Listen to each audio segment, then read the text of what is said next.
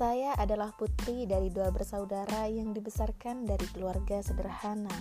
Desa Bulu Jarang Lor, Kecamatan Tegal Siwalan, Kabupaten Probolinggo adalah tempat kelahiranku.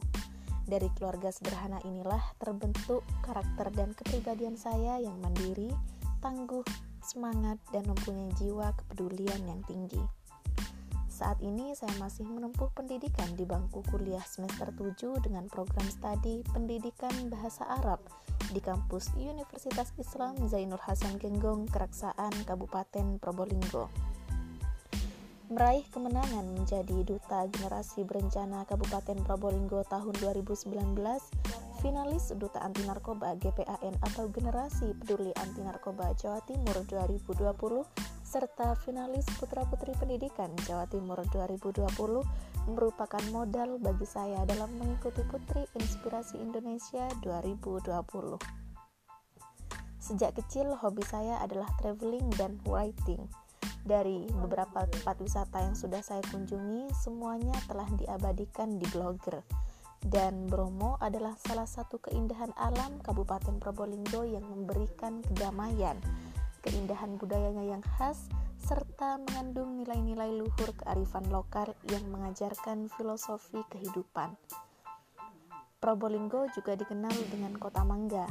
Secara garis besar, mata pencaharian masyarakat Kabupaten Probolinggo adalah sebagai petani. Namun, lebih dari itu, ada profesi unggulan di daerah kami, yakni menekuni batik tulis Prabu Linggih yang ada di Desa Bulujaran Lor, Kecamatan Tegal Sualan, Kabupaten Probolinggo. Batik tulis Prabu Linggih adalah salah satu karya budaya khas Kabupaten Probolinggo yang telah diakui UNESCO. Produk budaya ini merupakan karya seni bernilai tinggi dan sentra potensi batik ini sudah tersebar di wilayah Indonesia dan bahkan luar negeri dengan berbagai macam motif dan corak. Bapak Satimin adalah salah satu pengurus ranting NU Desa Bulu Jaran Lor merupakan salah satu warga NU yang mampu menciptakan dan mengembangkan batik tulis ini dengan berbagai motif dan corak.